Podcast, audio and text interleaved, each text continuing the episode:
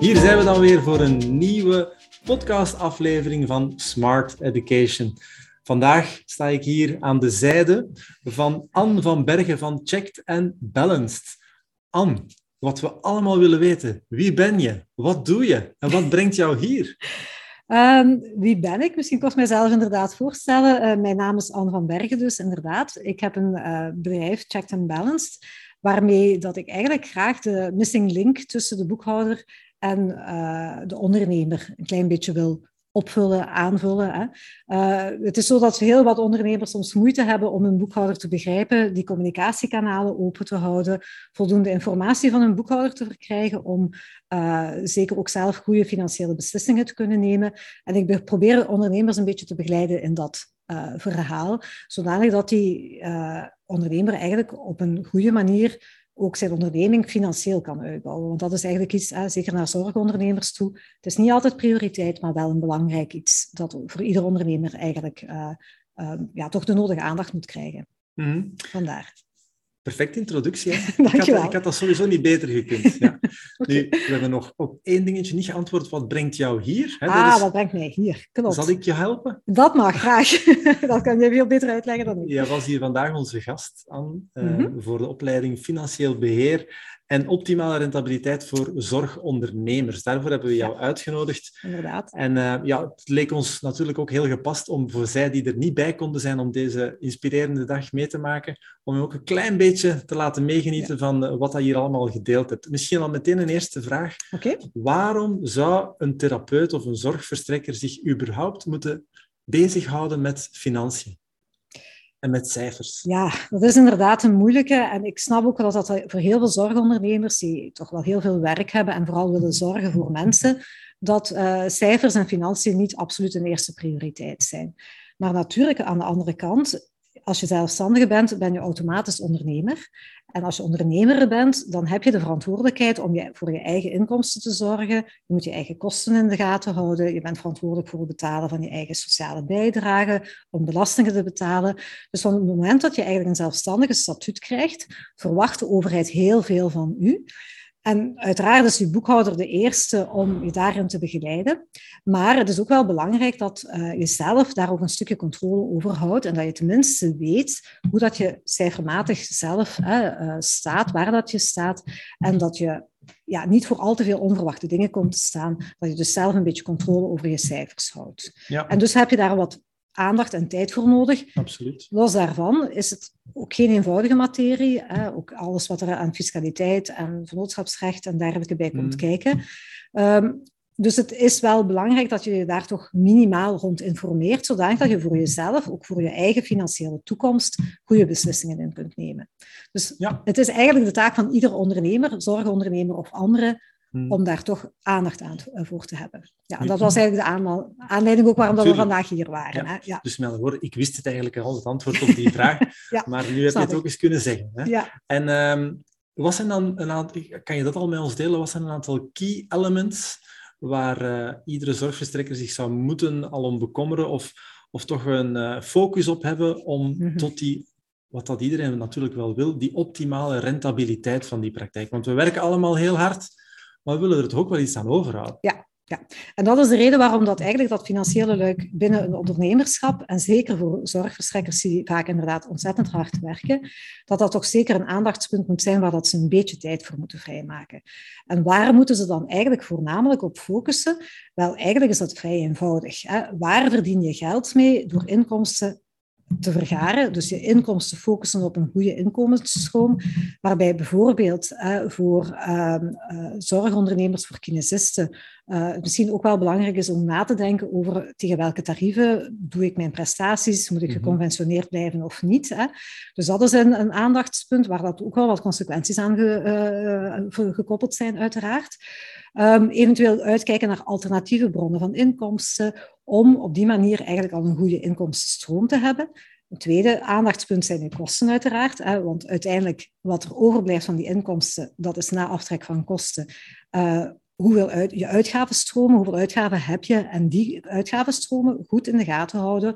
Uh, ook voor zorgen dat al die informatie, zowel wat betreft inkomsten als uitgaven, dat die ook bij je boekhouder komt, zodanig ja. dat hij dat ook voor, sociaal, voor fiscale doeleinden uiteraard kan verwerken, uh, waardoor dat uiteraard ook een correcte berekening van je sociale bijdrage en je hmm. belastingen kan komen. Ja. En waarbij dat die boekhouder je ook kan beginnen adviseren om daar, naar, daar een klein beetje naar optimalisatie te gaan, hè, hmm. zodanig dat je vooral voor jezelf wat vermogen opbouwt en het niet allemaal aan de fiscus of aan sociale bijdrage gaat moeten betalen. Wel, over die boekhouder komen we straks misschien nog wel eens terug. Ja, zeker. Maar um, wat aan mij ook opvalt, ook vandaag weer, ieder verhaal is natuurlijk wel anders. Ja, hè? Ik vroeg daarnet naar een aantal key elements, maar je moet ook ieder geval apart gaan bekijken. Maar mm -hmm. toch wil ik eens proberen een antwoord te krijgen op de volgende vraag. Is er ergens zo'n constante die vaak terugkomt? En dan heb ik het enerzijds over wat doen zorgverstrekkers meestal goed, mm -hmm. maar welke, tussen aanhalingstekens, fouten worden er ook al te vaak gemaakt? Wat kan jij delen uit jouw ervaringen? Mm -hmm. uh, wel, ik denk dat ik dan toch uiteindelijk weer terug bij die boekhouder terecht ga komen. Want uiteindelijk is dat natuurlijk ja. wel degene die voor jou jouw dossier monitort. Hmm. En waar denk ik dat uh, zorgondernemers misschien iets te weinig rekening mee houden, dat is het feit dat die boekhouder ook voor hun een boekhouding moet voeren. Maar het feit dat veel van die zorgondernemers eigenlijk geen btw-plicht hebben, zorgt ervoor dat die dossiers heel vaak naar achteren geschoven worden. Mm. Waardoor dat die verwerking pas gebeurt soms op momenten dat uh, ja, het jaar eigenlijk al om is. En waardoor dat die zorgondernemer, als hij al vragen heeft bij zijn financiën, als hij zich daar al mee bezighoudt, mm -hmm. ja, eigenlijk maar heel laat antwoorden krijgt, heel moeilijk kan bijsturen. Dus een van de meest gemaakte fouten, tussen aanhalingstekens, als je dat een fout kan noemen, is dat je er eigenlijk zelf te weinig mee bezig bent. Dus ook je boekhouder te weinig wat dat betreft aanstuurt. En op die manier ja. achter de feiten, achter je eigen financiële feiten aan aan het lopen bent. Ja. En op die manier bijvoorbeeld ook een aantal mogelijkheden tot optimalisaties mist. Hè. Te laat bent met het betalen misschien van sociale bijdragen, geen voorafbetalingen gedaan hebben. Geen uh, investeringen gedaan. De investeringen niet tijdig gedaan hebben. Uh, of net wel te veel uitgaven gedaan hebben, waardoor dat je in cashflow-problemen komt. Want uiteindelijk gaan ook uit die belastingfacturen en die sociale bijdraagfacturen uh, gaan blijven komen. Dus als je daar zelf niet samen met je boekhouder een beetje die zaken in de gaten houdt, dan kan je voor onverwachte dingen komen te staan. En heel veel zorgverstrekkers, maar zij eigenlijk niet alleen hoor, ook heel veel andere jongere ondernemers vaak, die daar weinig ervaring in hebben, die daar ook vaak helemaal geen opleiding rond krijgen, die belanden in dat straatje. En die komen dan voor verrassingen te staan. En serieuze afrekeningen van sociale bijdragen, serieuze belastingfacturen. Mm.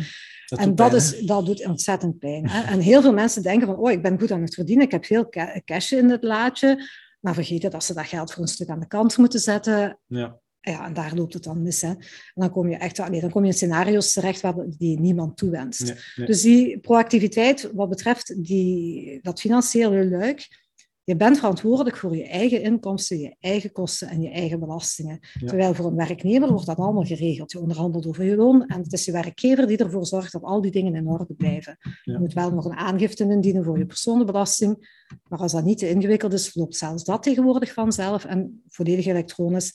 Ja, die mensen hebben daaromtrent geen zorgen. Maar als ondernemer, zelfstandige, moet je je daar zelf mee bezighouden. En dat is een opdracht. Dat ja. is echt een, een, een, een, Dus je goed informeren en ja. laten begeleiden. Wel, laat het ons dan maar bij de boekhouder blijven. Ja. uh, ik weet dat dat een van jouw stokpaardjes is natuurlijk. Weet je wel, ja. ja. Um, hoe komt het soms dat die, uh, er toch nog altijd een zekere aversie bestaat van die, die grote, zal ik het bijna een muur zetten, of die, die gap die er is tussen de therapeut enerzijds en die boekhouder anderzijds? Moet, het, moet je dan echt op zoek gaan naar de perfecte match? Moet je, en je, zelf, je zegt zelf, je moet proactief zijn. Als je dan merkt aan de andere kant van de lijn, wordt daar niet op ingegaan, is het dan tijd om te veranderen van boekhouden? Uh, dat is natuurlijk de laatste stap. Uh, maar een van de dingen waar je als ondernemer misschien ook wel een beetje rekening kunt houden, is dat ja, boekhouden- en accountantskantoren zijn ontzettend overbevraagd. Ze hebben mm -hmm. het heel erg druk. En bovendien zijn er zeer weinig jonge mensen die in dat beroep afstuderen, waardoor dat de toestroom van werknemers, van goede krachten, goed opgeleide mensen, dat die uh, instroom dat die zeer beperkt is. Dus het zorgt ervoor dat boekhouders zich ook moeten concentreren op hun eigen core business. En in eerste instantie noemen we dat met een groot of een moeilijk woord compliance. Ervoor zorgen dat alles wat de overheid ons oplegt waaraan dat die zelfstandige moet voldoen, dat dat in orde is. En pas in tweede instantie komt men dan toe aan adviesverlening en dan gaat in alle eerlijkheid degene die het hardste roept, het beste geholpen worden. Ja. Niet altijd gratis, maar de aandacht moet verdeeld worden en die beperkte tijd gaat naar de mensen die die eigenlijk voor een stukje voor zichzelf opeisen. Waarmee dat ik niet zeg dat je nu vanaf nu je boekhouder moet liggen stoken, maar eigenlijk op, eh, op gezette tijdstippen een afspraak maken, de cijfers opvolgen, ook zorgen dat dat binnen het jaar een beetje gebeurt, zodat ja. je niet achteraf achter de, uh, achter de feiten moet aanhollen en voor voldongen feiten komt te staan. Um, dus binnen dat jaar ook eens samen zitten en dan daar al wat optimalisaties kunnen inbouwen, dat helpt al. Hè. En als we het over optimalisaties hebben, hebben we het dan niet over ja, een soort, soort kosten gaan maken, maar mm. gewoon, kan ik wel een pensioenopbouw doen? Is dat verstandig om daar al mee te beginnen? Wat levert mij dat fiscaal op? Mm. Wat is het lange termijn plaatje? Mm. Voor jezelf een planning maken. Ja. En dat is iets waar dat heel veel ondernemers, ze stappen in het vak, niet alleen zorgverleners, dat zijn ook heel wat uh, gewone, zullen we maar zeggen, niet-zorgverstrekkers, uh, die in dat straatje terechtkomen.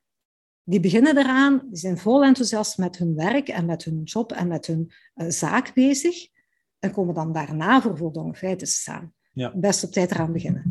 Dus we onthouden, zorg dat je een goede relatie opbouwt met die boekhouder. Met die boekhouder. Dat er een communicatie is langs, langs twee kanten. Langs twee kanten. En een zekere vorm van proactiviteit vanuit de ondernemer zelf. Ja. Uh, als die niet vanuit die boekhouder komt. En als dat echt niet werkt, ja, zoek dan moet je andere zoek andere woorden op. Maar in zo'n intakegesprek bij een nieuwe boekhouder vermeld dan ook steeds dat belangrijk vindt. Waar dat, waarom dat je daar terecht komt, bent gekomen. We gaan de boekhouder even parkeren. Ja, uiteraard. Als je het goed vindt. ja. Uh, iets anders nu. Je hebt het al heel kort even aangehaald, zo die jonge mensen, mhm. daarvoor niet altijd starters, maar echt uh, therapeuten, die bruisen ook vaak van energie. Uh, je merkt dat die met van alles bezig zijn en niet alleen misschien maar met RISIF-gebonden activiteiten, maar ook wel dingetjes die daar buiten zitten. Ja. Um, wat dat we ook vaststellen, dat niet iedereen van op de hoogte is dat er zoiets is als die BTW-vrijstelling. Ja, ja het BTW-verhaal. Het BTW-verhaal, ja. Want vooral het verhaal dan van wat kan ik nog verdienen naast mijn uh, kineactiviteiten of uh, therapeutische handelingen.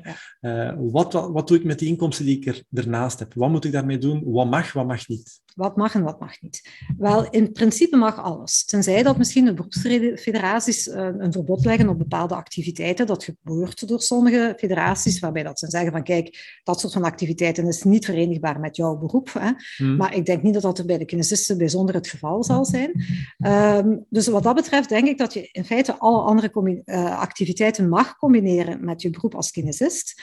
Maar inderdaad, uh, de kinesitherapeuten voor hun risicobehandelingen, dus diegenen die echt onder de nomenclatuur vallen en misschien ook een paar dingen daarbuiten, um, die rekenen eigenlijk op een vrijstelling voor het BTW-verhaal.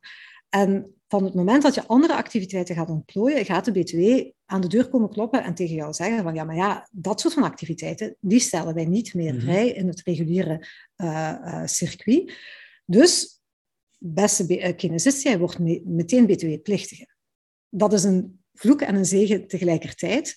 Maar laat het ons zo zeggen dat dat ook administratief al de zaken een heel stukje complexer maakt en dat je dat, als je het kan vermijden, dat het misschien praktisch is om dat wel te vermijden. Mhm. En dan is er inderdaad, en dat is wel een heel uh, valabel iets voor kinesisten, de mogelijkheid om um, onder eenzelfde of een gelijkaardig statuut, is niet helemaal hetzelfde, maar een vrij wel gelijkaardig statuut, van kleine onderneming, kleine btw-plichtigen te werken, waar bijvoorbeeld ook heel veel bijberoepers gebruik van maken, die dus wel in de btw-sfeer vallen, maar dus eigenlijk beperkte omzet hebben. Ja. En dan ben je eigenlijk op dezelfde manier als voor je kinepraktijk verlost van die btw-administratie. Dus verplichting tot factureren, btw-aangiftes indienen, btw doorstorten, uiteraard ook die je ontvangt, want dat doet het meeste mhm. pijn dan in dat geval.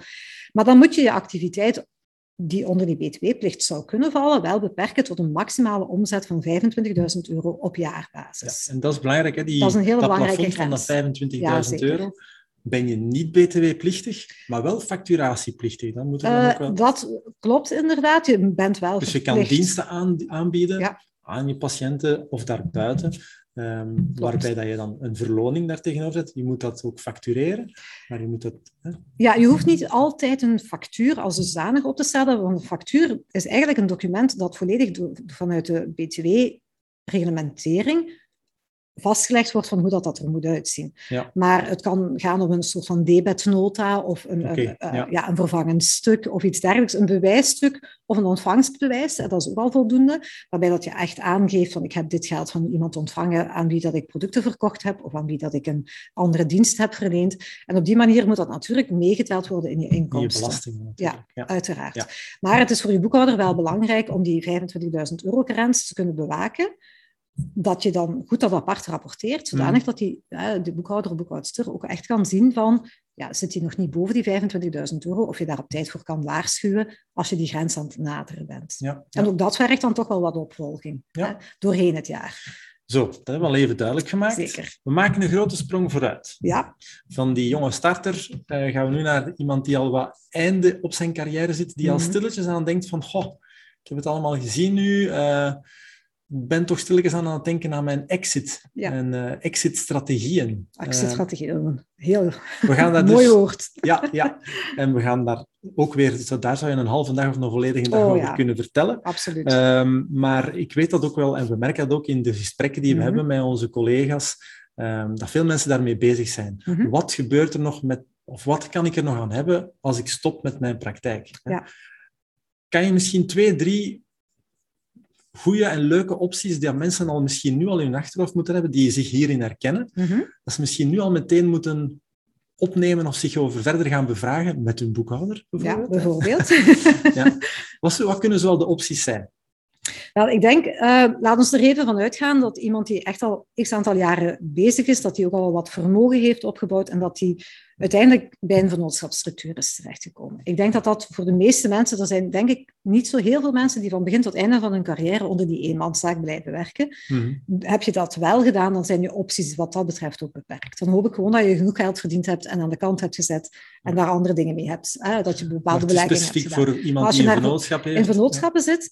eh, en je hebt echt een werkvernootschap, waar dat je bijvoorbeeld met een aantal medewerkers eh, in een praktijk, in een grotere praktijk werkt. Laat ons dan het vastgoedgedeelte nog even buiten beschouwing laten. Maar stel dat je die praktijk eigenlijk stilletjes aan aan je medewerkers wilt gaan beginnen overdragen, dan is een van de meest interessante opties om eh, die mensen zich eigenlijk op een of andere manier te laten inkopen in zo'n praktijk. Mhm. En wat betekent inkopen? Dat zij eigenlijk geleidelijk aan bijvoorbeeld een paar aandelen, een be- bepaald percentage van aandelen eh, van jouw vennootschap, jouw werkvennootschap kunnen overnemen. Al dan niet tegen een vaste prijs, al dan niet op termijn. Daar kunnen eigenlijk zoveel afspraken over gemaakt worden als iedereen zelf wil. Hè. Dus dat, dat is eigenlijk eh, zonder limiet.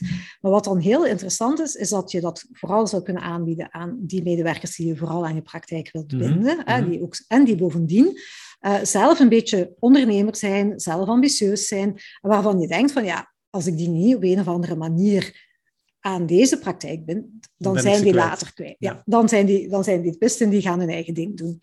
Maar dat, op die manier kan je eigenlijk eh, dat een beetje voorbereiden, eh, zodanig dat die mensen zelf hun ondernemerschap in je eigen praktijk kwijt kunnen. Maar weet dan natuurlijk wel dat je zelf geleidelijk aan aan het afstand doen bent van je praktijk. Mhm. Maar dat, natuurlijk, dat is ook de hele bedoeling. Dat was de bedoeling, ja. Ja.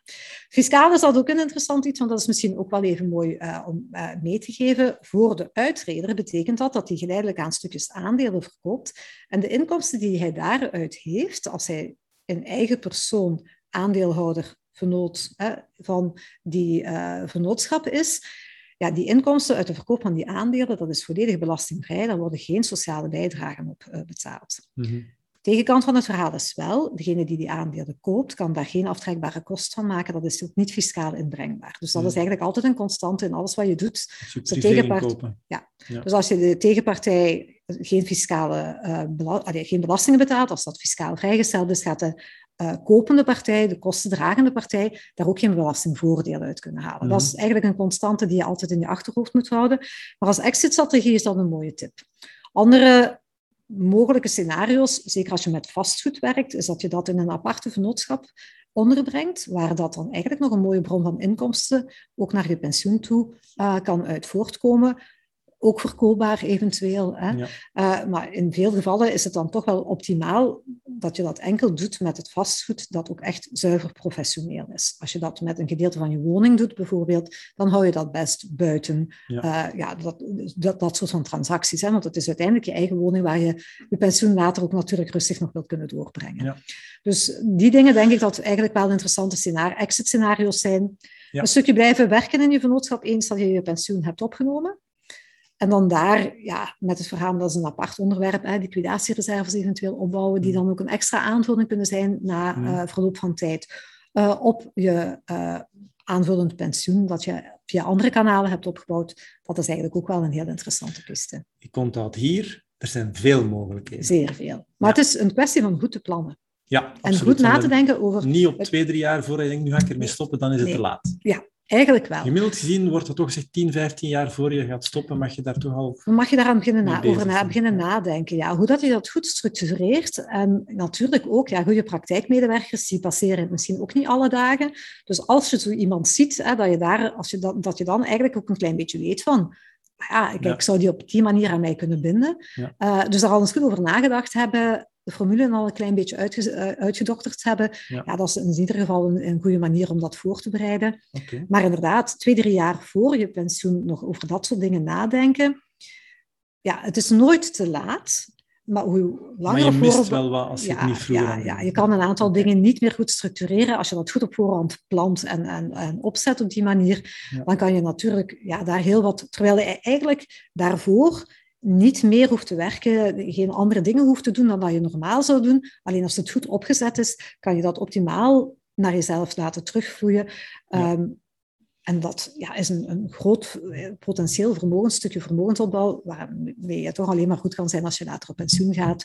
Ja. Je kinderen iets kan mee, uh, van meegeven, al naar gelang, hè, wat jezelf ja. je eigen wensen zijn. Je had het ook heel even over vastgoed. Hmm. Ik bedenk me net dat we daar misschien zelfs wel een keer een aparte blogpost of zelfs een, podcast kunnen over gaan doen, want ik wou dat even nog ook dat weer parkeren. je hebt het een paar keer aangehaald wat je ermee kan doen. Mm um, maar wat ik ook vaststel, ook hier weer vandaag, um, is hoe moeilijk het soms is voor collega's om in samenwerkingsverbanden iets mm. op te bouwen. Hè? Um, daar is dan vaak ook wel wat angst, angst voor het onbekende, om, om, om dingen te gaan delen.